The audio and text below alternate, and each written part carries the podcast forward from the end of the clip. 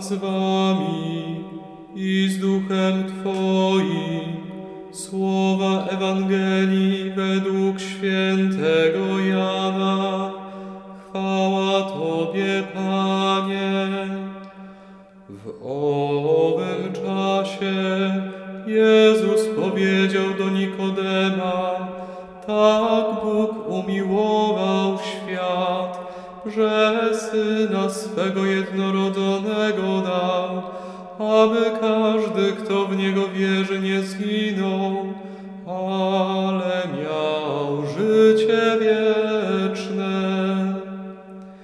Albowiem Bóg nie posłał swego Syna na świat po to, aby świat potępił,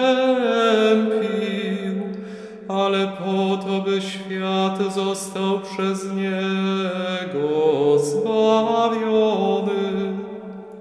Kto wierzy w Niego, nie podlega potępieniu, a kto nie wierzy, już został potępiony, bo nie uwierzył w imię jednorodzonego Syna